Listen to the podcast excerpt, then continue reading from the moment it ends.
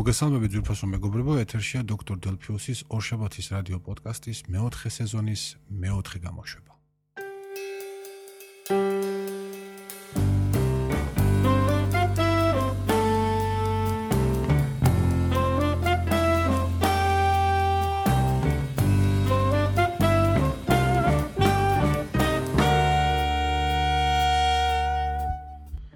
მაშასე ამ წლის მეოთხე გადაცემამდეც მოვახციეთ, რაც აა ფრიად სასიამოვნოა, რასაკვირველია ჩემთვის.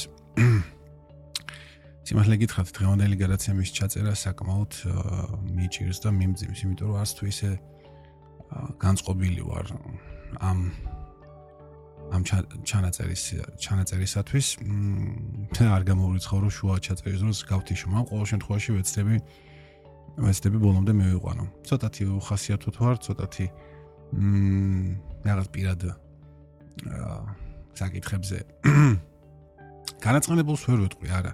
უფრო და დასევდიანებული თუ შეიძლება ქართულში ასეთი სიტყვა გამოვიყენოთ. მაგრამ არა უშავს. ფიქრობ რომ ყველაფერი გასწორდება და დარეგულირდება დროთა განმავლობაში. ყოველ შემთხვევაში მე ამის ძალიან დიდი იმედი მაქვს. ეს არ ეხება არც სამსახურს, არც აა სამუშაოს ან რაიმე სხვა მსგავს ამბებს. უფრო ისეთია. პირად ფრონტს რომ ეძახიან ხოლმე. აა მოგეთ გვეყო ამაზე, ეხლა ცოტა უფრო ისეთ თემებს გადავალოთ თვალი. აა დღეს უნივერსიტეტზე არაფერს არ ვისაუბრებ, უბრალოდ ორიოდე სიტყვით აღნიშნავ რომ აა საქმეები რასაც ვაკეთებთ ყოველდღიურად. მიდის ნელ-ნელა აა დაგეგმილი გრაფიკით აა და რამე ექსტრაორდინალური საბედნიეროდ, ну, ცუდი გაგებით, არ მომხდარა არაფერი პირიქით აა ჯერჯერობით ყოველფერი წესრიგშია. ну, მცირე-მცირე ყოველთვის რაღაც პატარ-პატარა გამონაკლისების გარდა, რომელსაც ყოველთვის ეშველება. მე უფრო მირჩევნია ვისაუბრო იმ პოდკასტზე, რომელსაც ვაკეთებთ აი აგერ უკვე მეორე გადაცემა სამი ადამიანი, მე დავით მაჭახელიძე და ანზორ ამზოევი, ანუ შესაბამისად Apple-ის ფანი, Android Linux-ების ფანი და Windows-ის ფანი. ძალიან კარგია რომ სამი ასეთი ადამიანი შევიკრიბეთ ამ გადაცემაში და ყოველას ჩვენი საკუთარი მოსაზრება და თვალთახედვა გაგვაჩნია ამა თუ იმ საკითხზე. გასული კვირის გამოშვება მართლაც რომ ძალიან საინტერესო და კარგი გამოვიდა. ვინაიდან მთელი გადაცემა დაუთმეთ Microsoft-ის 21 იანვარს ჩატარებულ ღონისძიებას.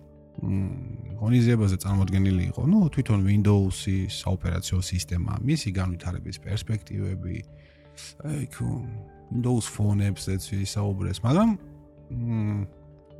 პრეზენტაციის ბოლო 1 საათი და ეთმო ფრიად საინტერესო და პერსპექტიულ მოწყობილობებს, რომელსაც Microsoft-ი 2015 წელს შემოგთავაზებს, ეს არის ყველაზე მეტად რამაც დამაინტერესა სხვებზე ახლა არ გავამახვილებ ყურადღებას. აა ჰოლოგრამიული ესეთი შლემი დავარქვათ ჩაფხუტი მოზარადი მოკლედ რაღაცა მსგავსი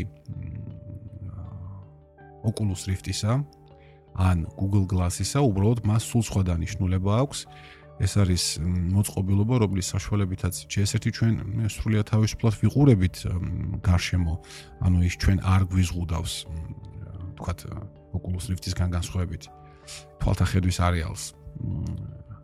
სამაგიეროდ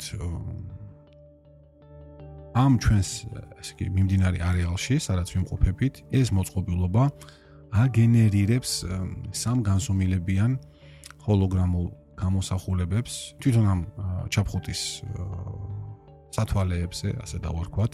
ანუ სამწუხაროდ ეს ის არ არის როგორც ვარსკვლავურ ომებში Star Wars, Звездные войны, რომ არის რომ თქვათ აქვს რაღაც საკომუნიკაციო საშუალებები და აჭერენ თიც და დაუშვათ მაგიდაზე ამოიზრდება სამგანზომილებიანი ჰოლოგრამული გამოსახულება მოსაუბრისა. არა ესე არ არის ჯერჯერობით მეცნიერება და ტექნიკა მასე დონემდე არ მისულა.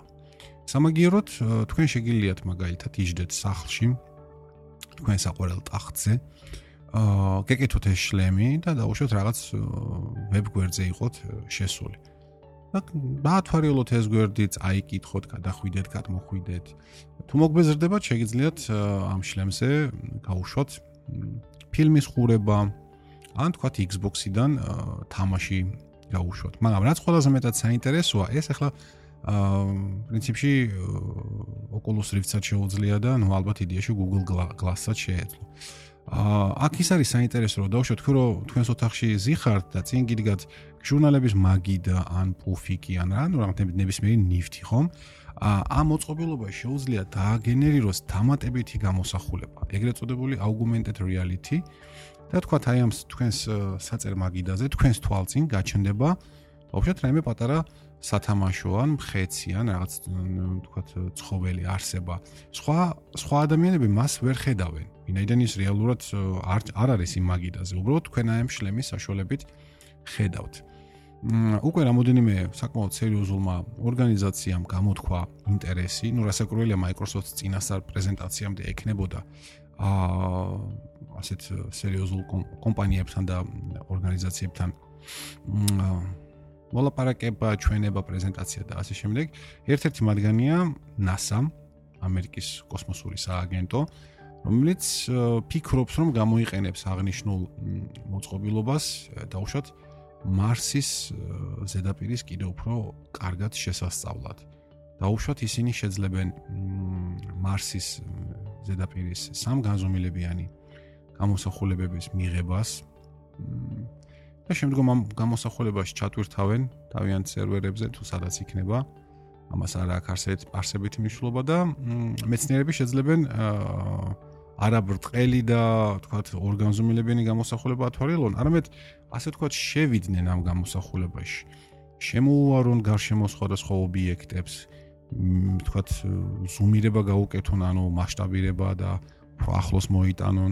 გვერდიდან დაათვალიერონ. თქვა იქ რაღაც შეიძლება ქვები იყოს, რაღაცა ნიადაგის გარკვეული ტიპები და ასე შემდეგ და ასე შემდეგ. მოკლედ ამ მოწყობილობა საკმაოდ ეს მოწყობილობა საკმაოდ პერსპექტიული რამე ჩანს. კიდე ერთი მაგალითი იყო ნაჩვენები, ცოტა სასაცილო. წარმოიდგინეთ, რომ თქვენ სახლში გაკიფუჭდათ მონკანის მილი. ხო?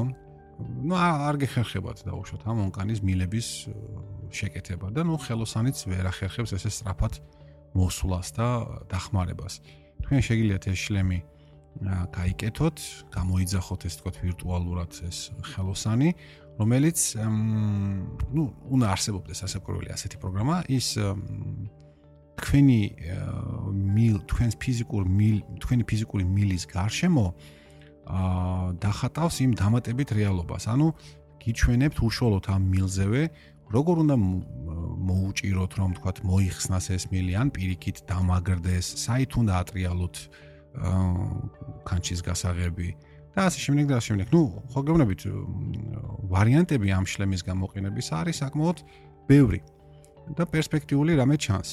თუმცა სამწუხაროდ ჯერ არ ვიცით არც ის როდის გამოვა ეს მოწყობილობა გაყიდვაში. რა ფასი ეღირება, რაც ყველაზე მნიშვნელოვანია ჩემი აზრით, რამდენი ხანი შეძლებს ეს მოწყობილობა ავტონომიურად მუშაობას.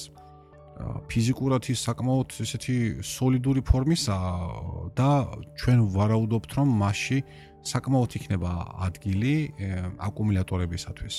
იმისათვის, რომ ამ მოწყობილობამ დაუშვათ Google Glass-ისგან განსხვავებით, რაღაცე 2-3 საათი კი არ იმუშაოს, არამედ თუნდაც მთელი დღის განმავლობაში და დღის ბოლომდე მას იყოს მუხტი იმისათვის, რომ ჩვენ სრულფასონა და კარგად გამოვიყენოთ ეს ეს მოწყობილობა.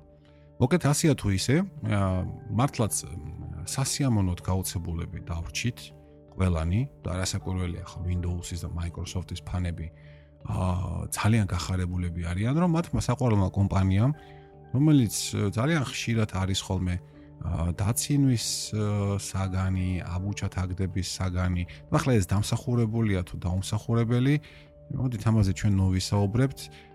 ჩემი აზრით თითოეული ადამიანი თვითონ წყვეტს თუ რა თემაზე უნდა იხუმროს, ან არ იხუმროს. აა რა არის თქვა სენსიტიური, რა არ არის სენსიტიური და ასე შემდეგ. აა ასე რომ თქვენ თვითონ გადაწყვეტეთ, ეგ მანდ მე ვერაფერს ვერ ვიტყვი. აა სიმართლე გითხრათ, მეც არაერთხელ რა თქმა უნდა გამიცინია იმ იმ ეგრე ეგრეთ წოდებულ ფეილებზე, რომელიც კომპანია Microsoft დრო და დრო მოსდის ხოლმე და მოსდიოდა. იგივე ის სიკვდილის ლურჯი ეკრანი ან რომელიმე პრეზენტაციის დროს საპრეზენტაციო მოწყობილობის წყობრიდან გამოსვლა და მისი სასწრაფო წესით სხვა ეგზემპლარით შეცვლა რომ უხერხული სიტუაცია აიცილონ თავიდან. და ასე შემდეგ და ასე შემდეგ მაგრამ პირადად მე უკვე გამოვედი იმასაკიდან რომ აი ესეთ ელემენტარულ რაღაცეებზე დავიწყო უაზრო ხუმრობა სიცილი ფეილი შეიძლება ნებისმიერ კომპანიას მოუვიდეს პრეზენტაციის დროს ტექნიკა იმიტომაც არის ტექნიკა რომ მას შეიძლება ახასიათებდეს წყობრიდან გამოსვლა დრო და დრო ხშირად ან იშვიათად ნუ ეს. მოკლედ სრულყოფილი ამ სამყაროში რა თქმა უნდა არაფერი არ არის. მათ შორის არც Microsoft-ის პროდუქცია და თქვენ წარმოიდგინეთ არც Apple-ის პროდუქცია. აა და სწორედ ეს იქნება ალბათ ჩვენი დღევანდელი გადაცემის მეორე თემა. აა ალბათ იცით ზოგიერთმა თქვენგანმა და ვინც არის იცით გეტყვით რომ მე იმის გარდა რომ თქვა ილიაში მუშაობ და თქვა აი ამ პოდკასტებს წერთ წერ აა მე მოხს კიდე ერთი ესეთი პატარა სამუშაოსავი სამუშაოსავით ანუ მე ვარ მესვეტე კოლუმნისტი როგორც იტყვიან აა ჟურნალ ნავიგატორში აა თვეში ერთხელ მიწევს ან ერთი დიდი ან რამოდენიმე შედარებით მომცრო ზომის სტატიის დაწერა.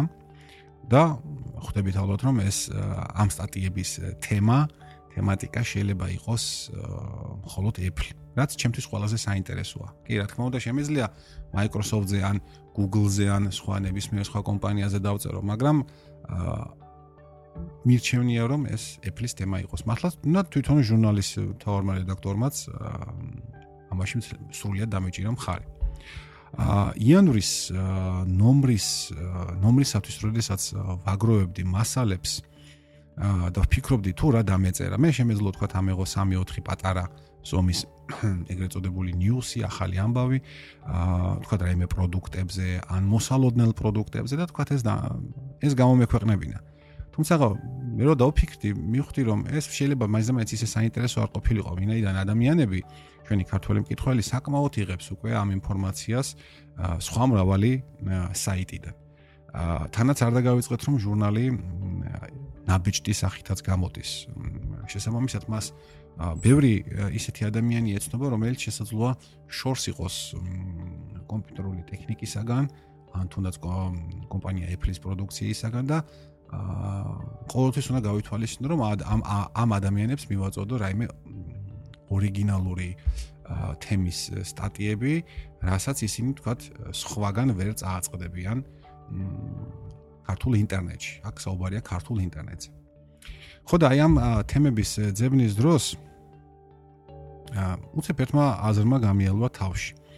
საქმე იმაშია რომ ბოლო 1 1 წელი, 1-2 წლის განმავლობაში შეინიშნება არც თუ ისე სასიამოვნო ტენდენცია, რასაც ქვია Apple-ის პროგრამული უზრუნველყოფის ხარისხის ვარდნა.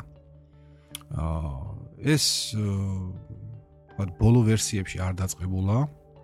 რეალურად ეს დაიწყო სადღაც 2013 წლიდან, როდესაც Apple-მა გამოუშვა საოპერაციო სისტემა Maverick-ი სამაგიდე კომპიუტერებისათვის.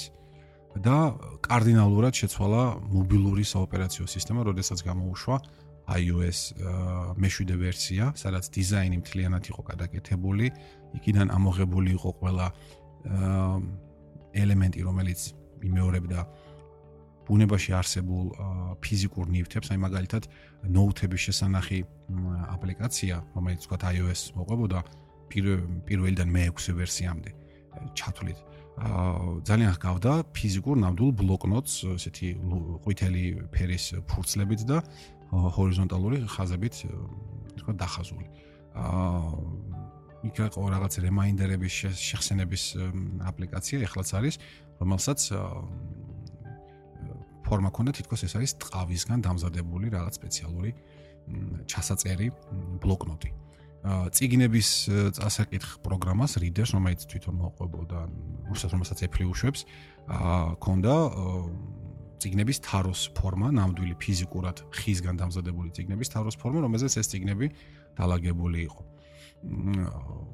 ეს ყველაფერი გაქრა და თქვა iOS 7-ში ყველა უფრო მეტად გამოყენებული იქნა აბსტრაქტული ფორმები ამ ყველაფრის გამოსახვისათვის. ამას მოყარა თქმა უნდა ძალიან ბევრი კამათი, მithქმა მოთქმა ზოგი დღემდე ცირე ნაწილი ხალხისა დარჩენილია iOS 6-ზე ან უფრო ადრეულ ვერსიებზე, ვინაიდან მათ ასე ურჩევნიათ, ვინაიდან მათ ასე უყვართ ის ვიზუალური სტილი. მაგრამ უმრავლესობა iOS 7-ზე გადმოვიდა. მაგრამ Apple-მა ცოტათი ცოტათი შეცვალა საოპერაციო სისტემების გამოშვების ინტენსივობა. თუ დაუშვათ სამაგიდე საოპერაციო სისტემა, რომელიც გაცილებით უფრო რთულია, ჩემი აზრით, ვიდრე მობილური საოპერაციო სისტემა, გამოდიოდა თქვა 2 წელიწადში ერთხელ, 2.5 წელიწადში ერთხელ ну არარსებობდა რაღაცა მკაფიო და მკვეთრი თარიღები, როდის მივიღებდით ჩვენ მომავალ შემდგომ ვერსიას. აა მან დაიწყო ამ საოპერაციო სისტემის ყოველწლიური გამოშვება. იგივე განმეორდა 2014 წლის შემოდგომაზე, როდესაც ჩვენ მივიღეთ განახლებული iOS 8 და OS 10 Yosemite. აა ჩვენ ასევე ვიხილეთ აი ამ საოპერაციო სისტემებში ძალიან ბევრი სიახლე და რაც თავარია, კიდევ უფრო მეტი ინტეგრაცია ამ ორ საოპერაციო სისტემას შორის. აა მაგრამ ფაქტია და ამას ვერსად ვერ გავექცევით, რომ აა ყველა ეს სიახლეები, ყველანაირი ეს ინტეგრაციები აა რთული პროცედურებია. არ არის მარტივი ასე ამის გაკეთება. შესაბამისად, შეცნობების რაოდენობამაც იმატა. რამაც რასაკვირველია ძალიან სიმართლე ითქვა შეგვაშფოთა Apple-ის ნამდვილი მომხმარებლები, ვინც ასე ვთქვათ, ინტენსიურად ვიყენებთ არა უბრალოდ დაუშვათ iPhone-ს, არა უბრალოდ რომელიმე MacBook-ს და არ ვართ შემთხვევითი ადამიანები ამ ეკოსისტემაში მოხვედრილი. შემთხვევით მოხვედრილი ადამიანები არ ვართ. არამედ წინასწარ გამიზნულად ვიცით, გჯერა და ვფიქრობთ, რომ ეს არის საუკეთესო სისტემა. და გვინდა რომ რასაკო და პირველ და რაც თავარია გვინდა რომ ეს ასე იყოს. ხო და სწორედ აი ამ თემებთან დაკავშირებით აა დავიწყე ინფორმაციის მოძიება. რაღაც რაღაცეები ვნახე და სიმართლე გითხრათ, გამოვაცხე ორი სტატია, უпроსტორად ერთი სტატია და მეორე ნათარგმნია. ერთ-ერთი ამერიკელი iOS დეველოპერის ბლოგიდან მისი მცირე მცირე პოსტისა, ჩანაწერისა. და ორივე ეს ტექსტი სრულიად აი ამ თემას ეხება, თუ რამდენად გაფუჭდა Apple-ის პროგრამული უზრუნველყოფის ხარისხი. და რა შეიძლება ამას ეშველოს და რა გამოსავალი შეიძლება არსებობდეს აი ამ სიტუაციიდან. და რომ ის რომ კომპანია Apple-მა ჯობია ყოველწლიურად კი არ მოგვაწოდოს და უშუალოდ ახალ-ახალი ვერსიები. ყოველწლიურად კი არ დაამატოს ასობით ახალი ფუნქცია თავის მობილურ და სამაგიდე საოპერაციო სისტემებში. არამედ ჩვენ გვირჩევნია რომ წლიდან წლამდე მან გააუმჯობესოს პროგრამული უზრუნველყოფის ხარისხი. და ეს ფუნქციები ნუ იქნება ყოველ წელს 100 წელი. ან თუნდაც იყოს ყოველ წელს ეს რამდენიმე ასეული, მაგრამ გაიწელოს ის დროში. იყოს ყოველთვიურად რაღაცა მცირე ოდენობა. რომ ჩვენც შევეჩვიოთ, ჩვენც გავიაზროთ ამა თუ იმ ფუნქციის საჭიროება, ან აუცილებლობა, ან როგორ გამოვიყენოთ. ერთს ვიტყვი რომ მე მაგალითად აი ახლა დღე დღეისთვის უკვე ვეღარ წარმომიდგენია როგორ შემიძლია ვიარსებო იმ ფუნქციის გარეშე, რომელსაც ქვია SMS-ების ოპერატორის სერვერების გავლით გაგზავნილი SMS-ების მიღება და გაგზავნა არა მარტო ტელეფონიდან, არამედ ტაბლეტიდანაც და კომპიუტერიდანაც. ჩემთვის ეს არის ყველაზე ხშირად გამოსაყენებელი ფუნქცია, ვინაიდან მე ჩემს მეგობარს ყოველდღურად შეიძლება რამდენიმე ათეულ და ხანდახან ასეულ SMS-აც წერდა ამდენსვე ღებულობ ხოლმე. და შესაბამისად მე შემიძლია გავაკეთო ტელეფონით, ტაბლეტით, კომპიუტერით, ხან ერთ მოწყობილობასთან ვარ, ხან მეორესთან და ასე შემდეგ. პირადად ჩემთვის ეს ძალიან მოსახერხებელია. ზარების გადამისამართების ფუნქცია, რომელიც ასევე აი ამ 2014 წლის ვერსიებში გამოჩნდა. როდესაც მე ტელეფონზე შემოსული ჩვეულებრივი FaceTime ზარზე არ არის საუბარი, ჩვეულებრივი ზარი, ქალაქის ზარი თუნდაც შემიძლია მივიღო ტაბლეტზე, ან შემიძლია მივიღო კომპიუტერზე და იქიდან უპასუხო, ან თუნდაც ტაბლეტიდან და კომპიუტერიდან დაურეკო ნებისმიერ ადამიანს სოფლიოს ნებისმიერ წერტილში ნებისმიერ მოწყობილობაზე, მათ შორის თუნდაც ქალაქის აა ტელეფონზე. ეს უდავოდ ძალიან კარგი ფუნქციებია. უდავოდ ძალიან საჭიროა ყოველ შემთხვევაში ჩემთვის. მაგრამ იმისათვის რომ ამას ამისთვის ეს გაეკეთებინა და მიეღწია Apple-მა გარკვეულწილად შეცვალა თავისი developing-ის პროცესი პროცესები რამაც სამწუხაროდ გამოიწვია ხარისხის ვარდნაც. კიდევ ერთხელ ნავიგატორის შემდეგ ნომერში, იანვრის ნომერში შესაძლებლობა გვექნება რომ ყველაფერი ამის შესახებ წავიკითხოთ. თუ რას ფიქრობ მე ამის შესახებ?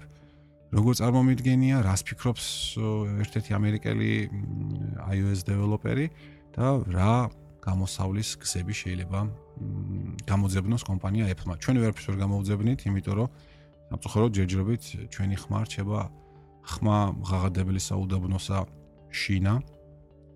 აა და ну, არ ვიცი, შეიძლება ამერიკელ მომხმარებელს ეფლი უფრო მეტად მოусმენს, მაგრამ ქართულ მომხმარებელს ყოველ შემთხვევაში ის არ უსმენს. ჯერჯერობით. აა კიდე ერთი თემა. ისე Microsoft-ს უკავშირდება Windows 10-ის პრეზენტაცია მოხდა 21 იანვარს. აა მანამდეც მქონდა ნანახი ის სუ პირველი ვერსია, რომელიც უკვე გითხარით არ დავაყენე უსაფრთხოების მომენტებიდან გამომდინარე და აი შაბათს მართალია Microsoft 21 იანვარს არ ქონდა კონკრეტულად ნათქვამი, გითხარს რომ later იქნება ეს რელიზი და შეძლებთ ჩამოტვირთვას და თქვა სარგებლობას. მაგრამ უცაბედად ყოველგვარი გაფრთხილების გარეშე Microsoft-მა ის გამოაკვდა, ასე თქვა თავის საიტზე და რა თქმა უნდა, შემანაცდობმა Windows-ნიკებმა არ მიწყენენ იმედი ამ სიტყვას, ვინაიდან აბსოლუტურად დადებითი შინაარსით ვიძახი ამას. რა თქმა უნდა, იმ წუთში დააყენეს და ძალიან კმაყოფილნი დარჩნენ. მეც სულმა წამძლია და აა ვირტუალურ სერვერ ვირტუალურ მანქანაში გავუშვი Windows 10. ყველაზე მეტად რაც მაინტერესებდა, მანამდე მე ახლა ვიზუალური ნაწილი ნანახი მქონდა, რომელიც კიდევ ერთხელ ვიძახი. მომწონს, საკმაოდ სიმპათიურია. აა ყველაზე მეტად მაინტერესებდა Cortana, როგორ იმუშავებდა სამაგიდე კომპიუტერში, ვინაიდან ახლა მე Windows Phone-ი არასოდეს არ მქონია და Cortana-სთან, ანუ Cortana ვინც არის ის, ეს არის ხმოვანი ასისტენტი, როგორც Siri iOS-ში, როგორც Google Now, ვთქვათ Android-ში, ანალოგიური სახის დამხმარე აპლიკაცია. აა, ну Cortana-ც ვინც Halo-ს თამაშობთ და გიყვართ, მიხვდებით რას ნიშნავს და ვის ნიშნავს. აა, დავაყენე მოკეთ ეს Windows 10 სიმპათიური საოპერაციო სისტემა და პირველ რიგში დავიწყე კორტანასთან საუბარი. პატარა მცირე ინსტრუქტაჟი გაიარა, კითხა რა სახელით მოგმართო, მე წარმოთქვა ეს სახელი და მკითხა თუ კარგად ვიძახი თუ არაო, მეც დაუდასტურე და ნელ-ნელა ნელ-ნელა რაღაც რაღაც კითხვების დასმა დაუწყე. სიმართლე გითხრათ, ჩემ და სამწუხაროდ, ჩემი ინგლისური აქცენტი ვერ დავიკვეხნი მოკლედ ძალიან კარგი აქცენტით, სუფთა და გამართული აქცენტით. რასაც ვერ ვიტყვით რუსულ ენაზე. აა შესაბამისად მე მაგალითად სირისთან მაქვს ხოლმე გარკვეული პრობლემები, მას ხშირ შემთხვევაში ჩემი არ ესმის. ან თუ ესმის ის სერვისები უბრალოდ საქართველოსზე არ ვრცელდება, აი დაუშვათ ამერიკაში შეგიძლია სირის კითხო, აი მომიძებნე უახლოეს რამდენიმე კილომეტრში ყველა რესტორანი, სადაც თევზის პროდუქტებია, აა თევზის კერძებია. ან მომიძებნე რაღაც კიდევ სხვა და ის ამას იპოვნის, ვინაიდან მისთვის გასაგებია თუ სად იმყოფება მომხმარებელი. ვინაიდან საქართველოს ჯერჯერობით ეფლის რუკაზე არ არის ისე კარგად დატანებული, ცოტა ისე ბაცად არის, ამიტომაც ასეთი სახის სერვისები ასეთ მომსახურებას სირისგან ჩვენ ვერ ვიღებთ. მაქსიმუმ რაც შემიძლია, რამდენიმე ხუმრობა ვათქმევინო ან ანეკდოტი ვათქმევინო მილიონჯერ გავიგო თუ რა მინდია თბილისში თუმცა ეს მე სრულიად თავისუფლად შემეძლია აპლიკაციის გახსნითაც ვნახო. და ასე შემდეგ. აი ესეთი მარტივი რაღაცეები და კიდევ ერთხელ ანუ სირისთან საუბრისას ურთიერთობისას ჩემი აქცენტი ცოტა ხელს მიშლის. აი კორტანასთან ურთიერთობისას მე სასიამოვნოდ გაოცებული დავრჩი რომ მან ყოველგვარი პრობლემის გარეშე აღიქვა ჩემი ჩუქურთული ინგლისური საკმაოდ უხე უხეირო ინგლისური და კითხვების ალბათ 90%-ზე პასუხი გამცა ისე, როგორცაც მე მისგან მოველოდი. თუ დაუშვათ მას მის ბაზაში, ალბათ იქ რაღაც წინასწარ განსაზღვრული ვარიანტებიც იქნება, ხა მე ზუსტად არ ვიცი. თუ იყო იქ პასუხი, ის ხმით პასუხობდა. ამინდი რასაკვირველია ეს სატესტოთ ყოველთვის ამინდს ვეკითხები. ამინდი გამომიტანა, მაგრამ ჯერ გამომიტანა ფარენჰეიტებში, რაც მე არ მაწყობდა, იმიტომ რომ დღემდე ვერ გავუგე ამ ფარენჰეიტებს თავებოლო. და იმ წუთში და დამატებითი კითხვის სახით უბრალოდ თხოვნე თხოვნით მიუმართე რომ აა თუ შეიძლება ცელსიუსებში მაჩვენე მეთქი. იმ წუთში მიხვდა და გადაიყვანა ცელსიუსებში ამინდის მიმდინარე სიტუაცია. აა რაღაც კითხვებზე რაზეც თქვათ მას არ ქონდა მზაპასუხი მან გადამამესამართა საიტებზე. ხან ვიკიპედიაში გამიშვა ხან მე ვკითხე თქვა Windows 10-ის შესახებ რამე ინფორმაცია მომეცი და იმ წუთში გამიხსნა Microsoft-ის ის გვერდი, რომელიც Windows 10-ს ეხება. მოკლედ, მოკლედ არაუშავდა, არაუშავდა, კარგი რამეა. და იმეც ვიტოვებ, რომ Microsoft-ი ბოლომდე კარგად მიიყვანს ამ პროდუქტს და მომხმარებლისთვის გახდის მოსახერხებელს. ერთადერთი რაზეც გული მწყდება ნებისმიერი ნებისმიერი აი ამ ხმოვანი ასისტენტის შემთხვევაში არის ის, რომ ქართული ენა დღემდე მათთვის არარსებული ენაა, ანუ არანაირი შანსი ჯერჯერობით ჩვენ არ გვაქვს, რომ ან კორტანამ, ან სირიმ, ან Google Now-მ ქართულად დასმულ კითხვებზე რაიმე პასუხი გაგვცეს, არა თუ ადეკვატური, რაიმე პასუხი გაგვცეს, იმიტომ რომ ეს ენები მისთვის არ არის ცნობილი. კარგი დაუშვათ, Apple არის ცნობილი სნობი და საქართველოს როგორც ბაზარს ჯერჯერობით არ აღიარებს და მხოლოდ პუნქტირული ხაზით აქვს მოხაზული, რომ აი აქ სადღაც დრაკონებია და აი ამ დრაკონებთან რაღაც ცოტა პროდუქტებს ვყიდით. ეთილი. მაგრამ Microsoft-ი უკვე ძალიან დიდი ხანია საქართველოს ბაზარზე იმყოფება. ამასთან ერთად მქონდა პატივი Microsoft-ის შეკვეთით მისი არაერთი პროდუქტი გადამეთარგმნა ოფიციალურად და ამაში გარკვეული ანაზღაურებაც მიმეღო. ეს ადრეულ წლებს ეხება. აა მოკლედ ეს კომპანია საქართველოს ბაზარზე უკვე საკმაო ხანია ოპერირებს ადგილობრივი ოფიციალურად შექმნილი Microsoft Georgia საშუალებით. ხო და არ ვიცი თუ მისმენენ ახლა ამ ორგანიზაციის ხელმძღვანელები, ან თანამშრომლები და ასე შემდეგ, უბრალოდ ადამიანური თხოვნა გვექნება აა და ასევე გვესმის რა თქმა უნდა რომ ეს მარტივი არ არის, მაგრამ იქნებ დავძრათ კვტარი წერტილიდან და თუნდაც ერთ საოპერაციო სისტემაში, თუნდაც Windows-ში აა შესაძლებელი გახდეს ქართული ენის აღქმა.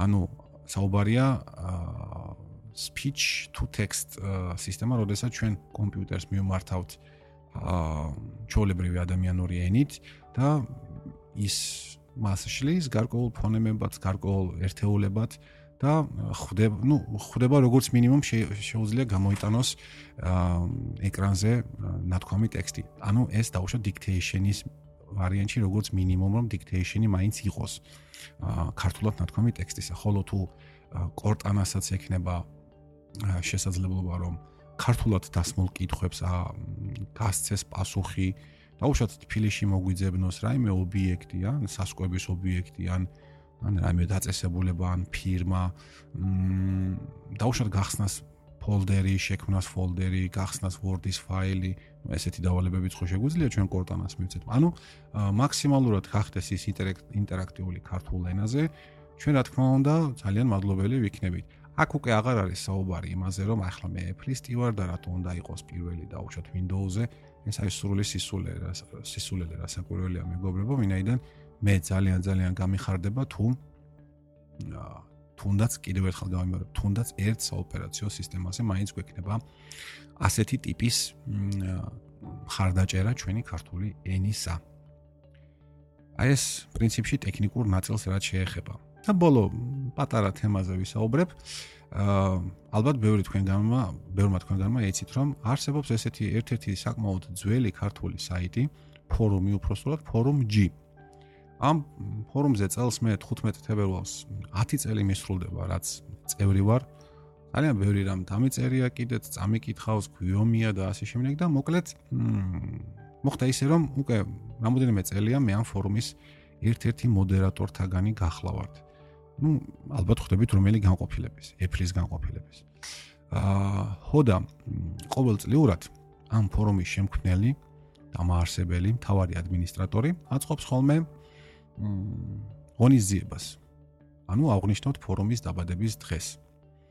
ზუსტად იგივე მოხდა 24 იანვარს, ანუ გასულ შაბათს შევიკრიბეთ ერთ-ერთ კლუბში, რომელიც თლიანად ჩვენს განკარგულებაში იყო და ძალიან ძალიან კარგად მოვულხინეთ.